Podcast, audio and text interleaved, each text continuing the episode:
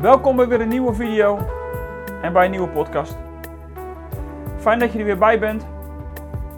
We denken nog steeds na over ons leven in de eindtijd. De serie waar we al een heel poosje mee bezig zijn vanuit het boek Openbaring. En we zijn aangekomen deze keer bij Openbaring 15. Niet zo'n heel groot hoofdstuk, kort hoofdstukje nadat hoofdstuk 12 tot en met 14 net zijn geweest, waarin de samenvatting van de samenvatting werd gegeven, zouden we kunnen zeggen. En dan nu zitten we in hoofdstuk 15. We gaan kijken wat we daardoor meekrijgen. En ik ontdekte een paar hele bijzondere lijnen die ook heel bemoedigend zijn als het gaat over het aan de overkant komen. Want er worden beelden gebruikt in hoofdstuk 15 die in het Oude Testament tegenkomt bij het volk Israël. Op het moment dat de vijand achter hen staat en de zee voor hen. Nou, daar gaat het eigenlijk in het eerste gedeelte van hoofdstuk 15 over. En dan komt uiteindelijk ook nog die zevende bazuin. Want die heeft nog niet geklonken.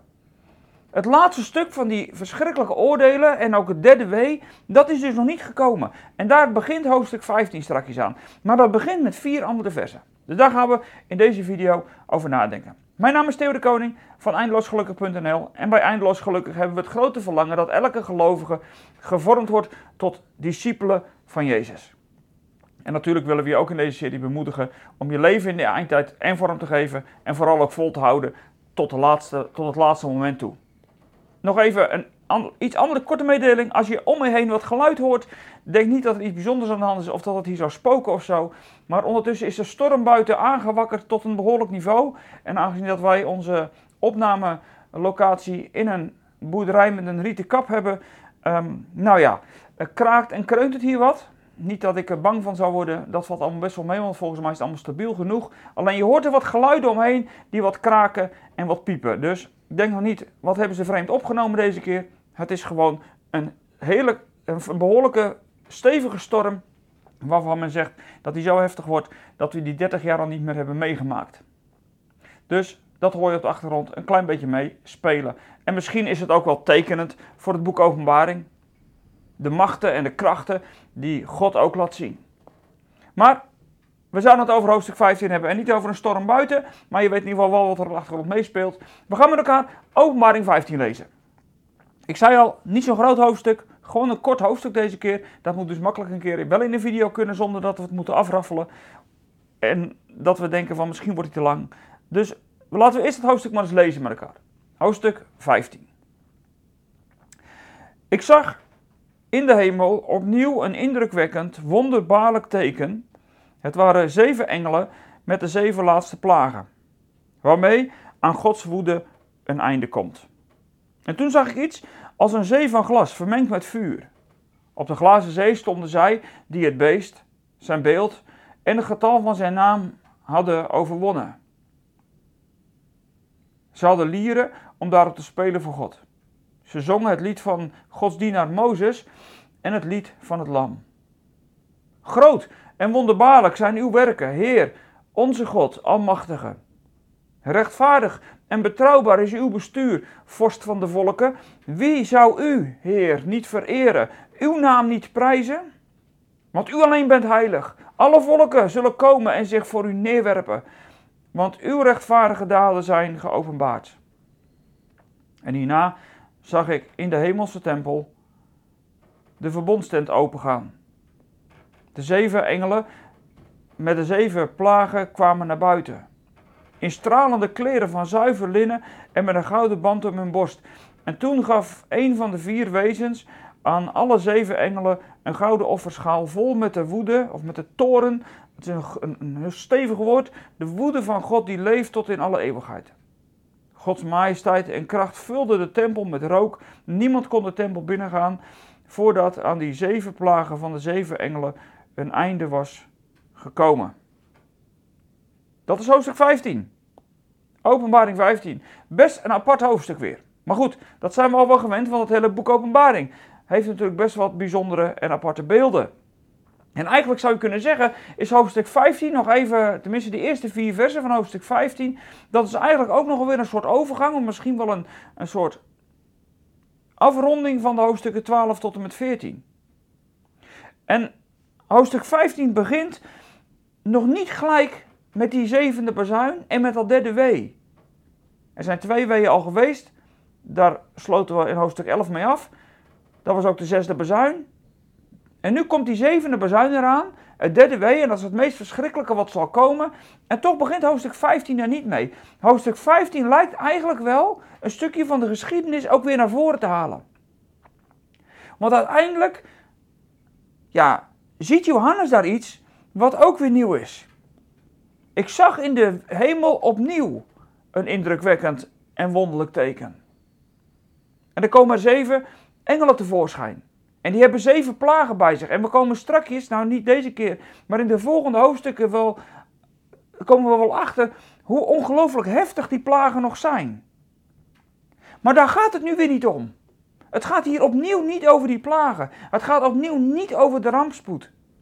Het gaat over iets anders. Want die zeven plagen, dat gaat over Gods woede, Gods toren.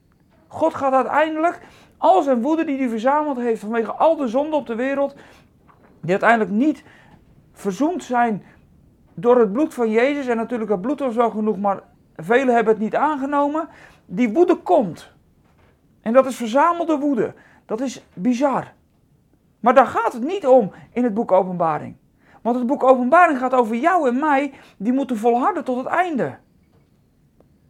En daarom komt gelijk vers 2 erachteraan. En toen zegt Johannes dan, zag ik iets als een zee van glas, vermengd met vuur. En op de glazen zee stonden zij die het beest en zijn beeld en het getal van zijn naam hadden overwonnen. Die glazen zee, die zijn we natuurlijk al eerder tegengekomen. De glazen zee, die hebben we al gezien in hoofdstuk 4. Eigenlijk waar we heel bemoedigend begonnen met het leven in de eindtijd.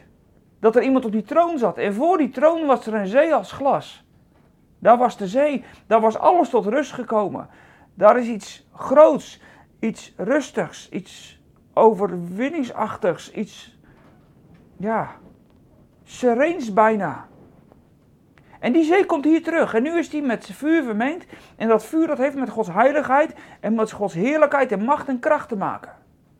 Die zee ziet Johannes hier opnieuw terug. Alleen op die glazen zee, en ik denk dat dat, nou dat is een discussiepuntje waard, hoe dat je het moet vertalen, of ze op de zee staan, of er uiteindelijk aan de, aan de oever van de zee, rond de zee of op de zee, dat, dat kan in het Grieks allebei wel. En op de glazen zee stonden zij die het beest, die het beeld, die die het beest en zijn beeld en het getal van zijn naam hadden overwonnen. Het gaat hier over martelaren. Het gaat hier over degenen die in die eindtijd uiteindelijk staande zijn gebleven. Terwijl dat, dat, de, dat, dat beest verschrikkelijk tekeer ging. Dat is die periode van niet kunnen kopen en verkopen. Dat is misschien onze periode ook wel. Misschien zijn dat uiteindelijk degenen wel die straks overwinnen. En die straks daar staan. Degene die uit de eindtijd uiteindelijk dat verschrikkelijke beest met al zijn streken heeft overwonnen of is staande gebleven. Anderen zeggen van het zijn degenen die door het beest vermoord zijn zelfs. Nou, of het nou overwinnen of vermoord is, maakt hier eigenlijk helemaal niet eens uit. Want als je door het beest uiteindelijk de dood zou vinden, dan, dan ontvang je ook de overwinning. Volg je Als je dat beest van 666, als dat beest jou uiteindelijk van het leven zou beroven, dan is het ook je overwinning. Want dat heeft, heeft alles te maken met de overwinning van Jezus. Waar je dan in deelt. Dus of het nou overwinnen of door dat beest gedood is, ach, uiteindelijk overwinnen we dat beest echt wel. Die staan daar. Dus misschien gaat het wel over jou en over mij. Als we in die eindtijd inderdaad, ja, dat we naar het leven worden gestaan. Maar dat we toch overwinnen. En het bijzondere is dat die zee van glas, die heeft ook iets te maken met het volk Israël als het uit Egypte voor de Schelfzee, voor de Rietzee terechtkomt. En waarom zeg ik dit zo? Nou, dat heeft te maken met wat daarna volgt in het lied dat volgt. Er wordt namelijk een directe lijn getrokken naar Mozes. Want degenen die daar staan, die hebben lieren in hun hand en spelen voor God en ze zingen het lied van Gods dienaar Mozes en van het lam. Weet je, ook daar ligt een discussiepuntje. Zingen ze nou twee liederen of zingen ze nou één? Zingen ze nou het lied van Mozes en het lied van het lam? Of is het nou het lied van Mozes en het lam?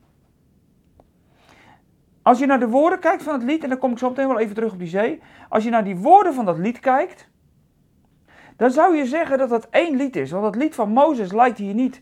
Ehm, dat lijkt, als je het in tweeën zou knippen, en dat zouden twee liederen zijn, dan gaat het over het lied van Mozes en het lied van het lam, en dan zou het lied van het lam uitgeschreven staan. Maar als je de woorden van het lied leest, dan zijn het ook de woorden van die Mozes zong bij het volk Israël. En dat maakt dat ik wel denk, en dat zijn de meeste verklaarders ook wel eens, dat het hier uiteindelijk over één lied gaat. En dat het het lied van Mozes en het lied van het lam, dat dat één lied is. En wat is dat dan voor een lied? Nou, dat lied van Mozes en het lam, dat is het lied dat uiteindelijk Mozes heeft gezongen op het moment dat hij aan de andere kant van die zee staat. Je weet wel, als Israël vlucht voor die farao en die farao zit achter hen aan, dan hebben ze achter hen de zee, of dan hebben ze achter hen de farao, aan de zijkant hebben ze bergen en voor zich hebben ze de zee en dan denken ze, nu heeft mijn laatste uur geslagen. En hier wordt het lied van Mozes, wat hij zingt aan de andere kant van het water als dat pad door de zee is geweest, hier wordt het lied van Mozes en het lam samengevoegd. Het gaat over éénzelfde soort situatie. Dat is wat het wil zeggen. Weet je, als wij straks overwinnen, als wij straks, ja, misschien wel door de dood heen gaan, want dat, dat is natuurlijk ook het symbool van die, van, die, van die zee, daar bij Mozes en het volk Israël. Dat komen we natuurlijk later ook nog weer een keer op een andere manier tegen. En dan zingen wij met de Heer gestorven en weer opgestaan. En dat is ook Mozes die ondergaat, symbolisch in het water. En hier gebeurt eigenlijk natuurlijk hetzelfde. En daarom worden hier Mozes en het lam in één adem genoemd en zingen ze uiteindelijk hetzelfde lied. Welk lied? Het lied van de overwinnaar die aan de andere kant van het water komt. En daarom neig ik er een beetje naar om te zeggen dat die mensen niet op die glazen zee staan, maar aan de oever. Ze zijn al aan de overkant, zou je kunnen zeggen. Dat is het beeld wat hierin zit. Dit is zo bemoedigend.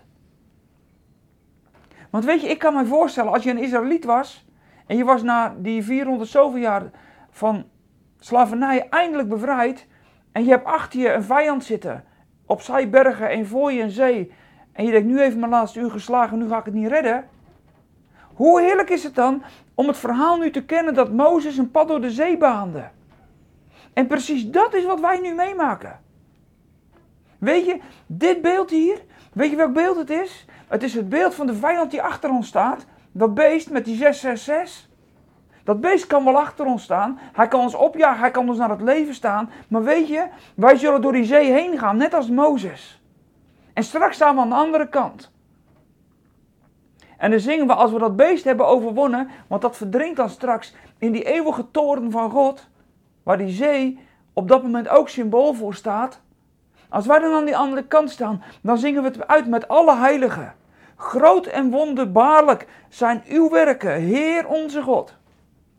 Almachtige. Rechtvaardig en betrouwbaar is uw bestuur. Hoe dat u het regeert, hoe dat u het leidt, dat is rechtvaardig en betrouwbaar. Vorst van de volken. Wie zou u, Heer, niet vereren en uw naam niet prijzen? Want u alleen bent heilig en alle volken zullen komen en zich voor u neerwerpen. Want uw rechtvaardige daden zijn geopenbaard. Dat zo Mozes aan de andere kant van het water. En dat zingen de heiligen bij die glazen zee. Als dat stukje overwinning even naar voren wordt gehaald voordat die zeven laatste engelen nog wat gaan doen. Even wordt dat nog weer naar voren gehaald in hoofdstuk 15. Weet je, dit is de bemoediging. Zoals Mozes met het volk angstig heeft gekeken naar wat er achter hem gebeurde. En een pad voor zich kreeg. En aan de overkant komt en zegt: Hij is overwonnen omdat God rechtvaardig is. Zo zullen wij straks zeggen: Hij is overwonnen omdat God rechtvaardig is en heilig en machtig en wonderbaarlijk. Mozes, dat hele beeldende verhaal staat symbool voor jou en mijn situatie. Ik weet niet hoe we dat zullen ervaren. Ik weet niet hoe wij daar doorheen zullen gaan als het zo heftig gaat worden. Maar ik weet dit wel, dat er een glazen zee vermengd met vuur is. waar God heeft laten doorgaan. We komen straks aan de overkant. Er zal een pad zijn, zelfs met een vijand achter ons en met, met rotsen en bergen en alles naast ons. Er zal voor ons een pad zijn, weet je, en dat pad dat is gebaand. Door onze Heer Jezus Christus. Hij is de weg gegaan, hij heeft het pad gebaand, zodat wij naar de overkant kunnen. Dat is het symbool wat hier zo gebruikt wordt. En wij mogen, wij mogen het lam volgen. En daarom zingt niet alleen Mozes dit lied, maar zingt ook het lam dit lied. Want dwars door dood en lijden heen is hij aan de overkant gekomen. En hij neemt ons mee. Net als dat Mozes dat volk Israël meenam. Het is een, het beeld van Mozes wordt hier geplakt als het ware op het beeld van het lam. En het beeld van Israël wordt geplakt op ons. En wij zullen aan die overkant komen. Het lam achterna. En dan zingen Mozes en het lam. Mozes vanwege die letterlijke zee. En wij vanwege die geestelijke zee. Zingen we straks aan die overkant. Met onze leider. Israël toen met, Israël Mozes. En wij nu straks met Jezus. We zingen het mee. Hoe groot en wonderbaarlijk onze God is. En hij zal ons er doorheen helpen. Hij zal ons aan die overkant brengen. Wat een heerlijke boodschap in hoofdstuk 15. En ja, er komt straks een berg ellende. Dat komt nog. Maar uiteindelijk, wat er ook hier op deze wereld gebeurt, wij zullen overwinnend overwinnen achter de overwinnaar aan. Dat weten we zeker. Want we zullen hem, 666, we zullen hem, dat beest, dat monster, we zullen hem overwinnen. Omdat hij uiteindelijk al overwonnen is door het lam. En dan, als je in deze vreugde zit, als je in, ja, in deze heerlijkheid, in deze glorie even, als die dit keer laat doordringen, nou, dan kun je verder met wat er dan nog komt. En misschien is het verschrikkelijk. Dat kan allemaal. Ik besef me dat echt wel. Ik wil het echt niet allemaal, allemaal maar glad strijken. En net doen of het allemaal niks voorstelt in die eindtijd. De beelden zijn verschrikkelijk genoeg. Het is alleen de vraag wat onze focus is. Waar richt je je nou op? Richt je nou op de omstandigheden? Richt je op, op de golven als het ware? Of richt je je op Hem die jou over het water laat lopen? Besef je dat je focus zo belangrijk is? En dan, dan zal die laatste bezuin gaan klinken. Die zevende. En dan zal de derde wee over deze wereld komen. Want hierna, zegt Johannes dan, hierna zag ik een hemelse tempel. De verbondstent opengaan. De plaats waar God is. Waar God oud-testamentisch ook woonde. En dan komen er uit die directe tegenwoordigheid van God vandaan. Alsof ze door God nu weg worden gestuurd. Van nou, nu kun je. Nu mogen jullie. Ga maar. Zeven engelen. Ze zien er heerlijk uit. Ze zien er bijna uit als Jezus. Vol heerlijkheid en hemelse majesteit. Witte kleren, glanzend.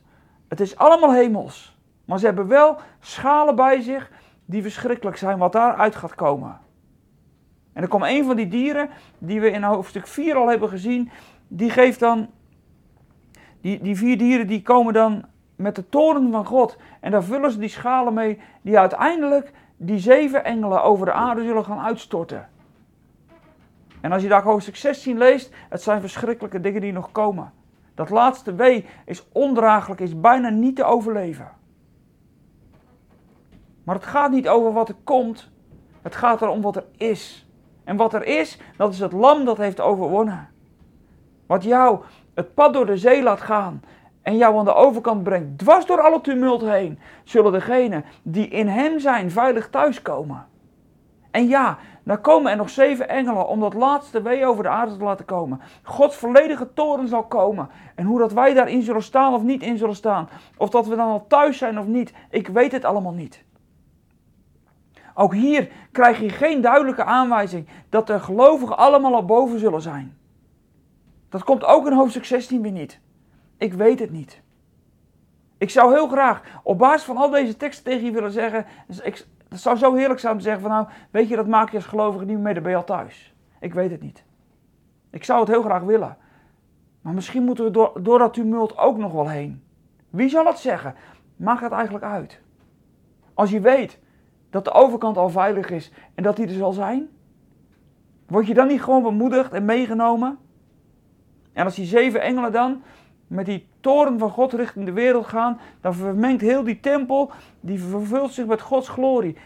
En opnieuw wordt die tempel dan vervuld met rook. Niks en niemand kan er meer bij. Niemand kan bij, bij die groot heilige, almachtige God komen, zolang dat die toren niet is uitgestort.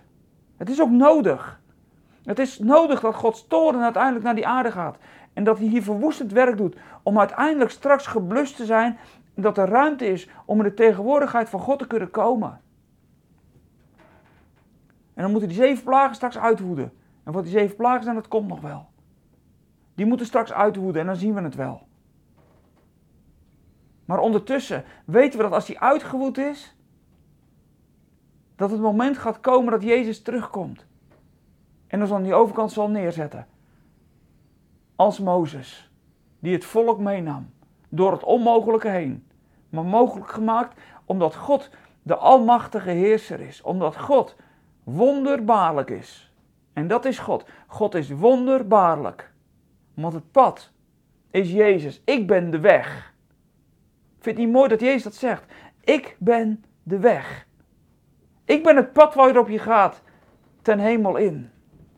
Dat is mooi, hè? Komt ook zomaar uit die geschiedenis op. Als Jezus dit zegt, ik ben de weg. Ik ben dat pad door die zee. En dan kom je er ook gewoon. Tot we straks in Gods tegenwoordigheid mogen komen. En wat er nog komt, komt. Maar één ding weten we zeker. We zullen daar straks staan en we zullen het lied van Mozes en het Lam, we zullen het meezingen. Het zal een jubelzang worden tot in alle eeuwigheid. En ik vraag me af dat lied ooit gaat stoppen. Je kan wel eens zo in aanbidding komen dat je denkt, laat dit lied maar nooit meer stoppen. Ken je dat? Ik denk dat het met dit lied ook is. Ik denk dat we daar straks staan en dit lied gaan zingen en dat we niet meer kunnen stoppen. Wees bemoedigd met deze boodschap. Ik word er gewoon blij van. Dat dit, dat dit ons even wordt meegegeven. Wees bemoedigd en houd moed. En volhard tot dat moment. Bedankt voor het kijken. Goed dat je erbij was. Ik zou zeggen, geef eh, op YouTube even een blauw duimpje. Je mag in de comments reageren als je dat wil natuurlijk. Dat mag altijd. Ik vind het ook wel fijn. En als je ons financieel wil steunen, we zouden dat natuurlijk ook heel fijn vinden. Zodat wij ook gewoon door kunnen bouwen. En ook de dingen kunnen doen waar we graag mee bezig zijn. Het koninkrijk van Jezus in deze wereld brengen. Dankjewel voor nu. Wil je ons helpen? Wil je ons steunen? Nou, van harte aangemoedigd bij deze. En degene die dat doen, hartelijk dank dat je dat al doet. En verder, ik zou zeggen, heb een gezegende week. En tot volgende week.